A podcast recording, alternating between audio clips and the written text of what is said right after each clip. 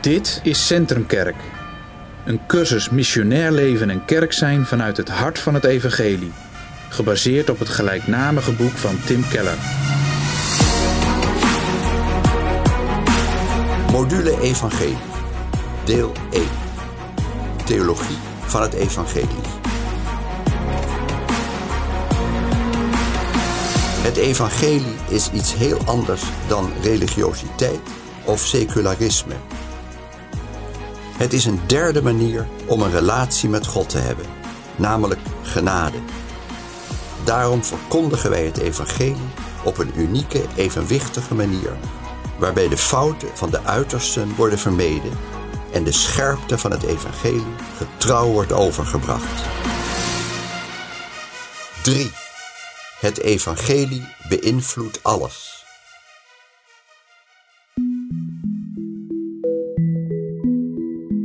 Bij het evangelie hoort een nieuwe manier van leven. Het heeft invloed op heel ons leven en is een kracht die nieuw leven in ons werkt. Al eerder zagen we dat de kern van het evangelie bestaat uit drie basiselementen die uitleggen wat Jezus Christus heeft gedaan om ons te redden. 1. Jezus menswording. 2. Jezus plaatsvervangend sterven. 3.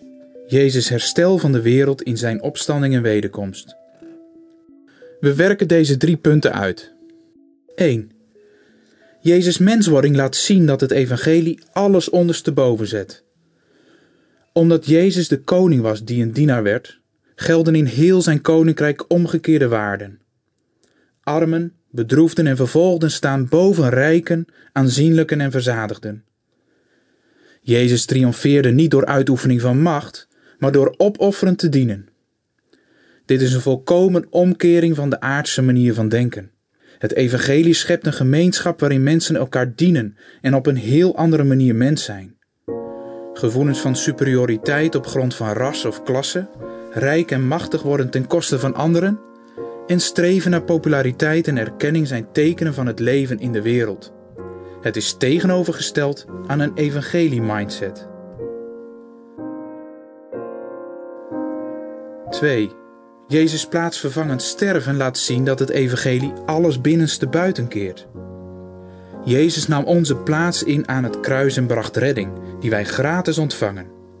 Religieus en wettisch denken redeneert dat als wij goede daden doen, God in ons hart zal wonen en ons zal redden. In het evangelie is het andersom. Als ik in mijn hart weet dat God mij heeft geaccepteerd en mij om niet in zijn genade lief heeft, dan kan ik beginnen te gehoorzamen uit innerlijke blijdschap en dankbaarheid.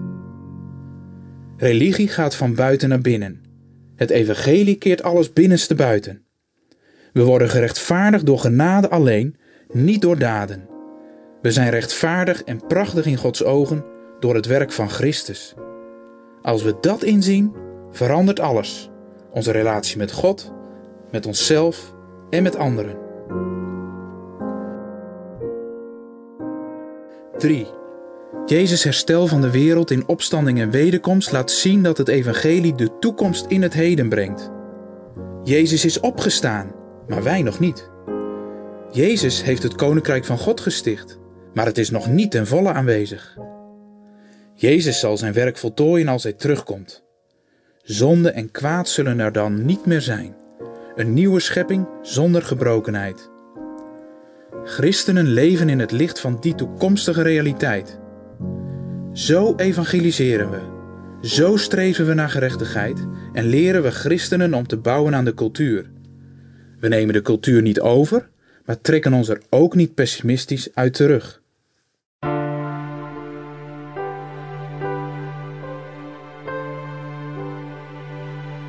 De vernieuwde levenswijze de verandering in heel ons denken, voelen en leven is gevolg van het steeds dieper geloven in het evangelie.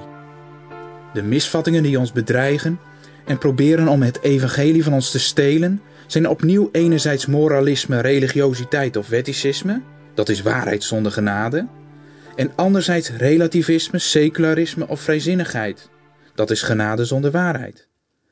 In Jezus horen genade en waarheid echter bij elkaar.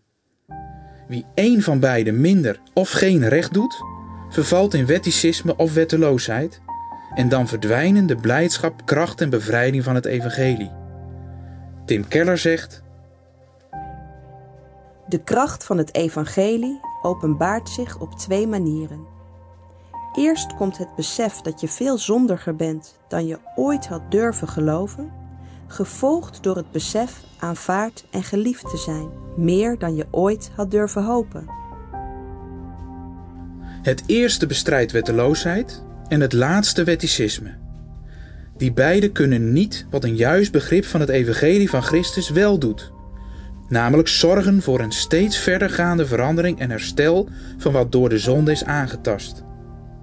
Het evangelie zorgt ervoor dat we niet langer vervreemd zijn van God en is daarmee het antwoord op onze grootste nood. Het heeft de kracht om elk aspect van ons leven totaal te veranderen. Een juist en diep verstaan van het evangelie is dus cruciaal. Keller zegt: De meeste problemen in ons leven worden veroorzaakt doordat we ons niet genoeg op het evangelie richten. Ten diepste bestaan ziekmakende toestanden in de kerk en zondige patronen in ons persoonlijke leven, omdat we de diepste implicaties van het evangelie niet genoeg kennen. We begrijpen en geloven het evangelie niet ten volle.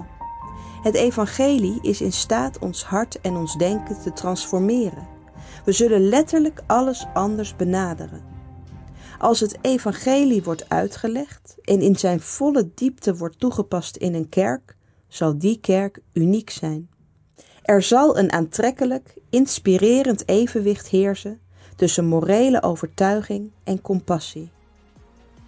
Daarom hebben we een levensveranderende herontdekking van het evangelie nodig. Het kerkelijke leven en de harten van de mensen moeten vernieuwd worden.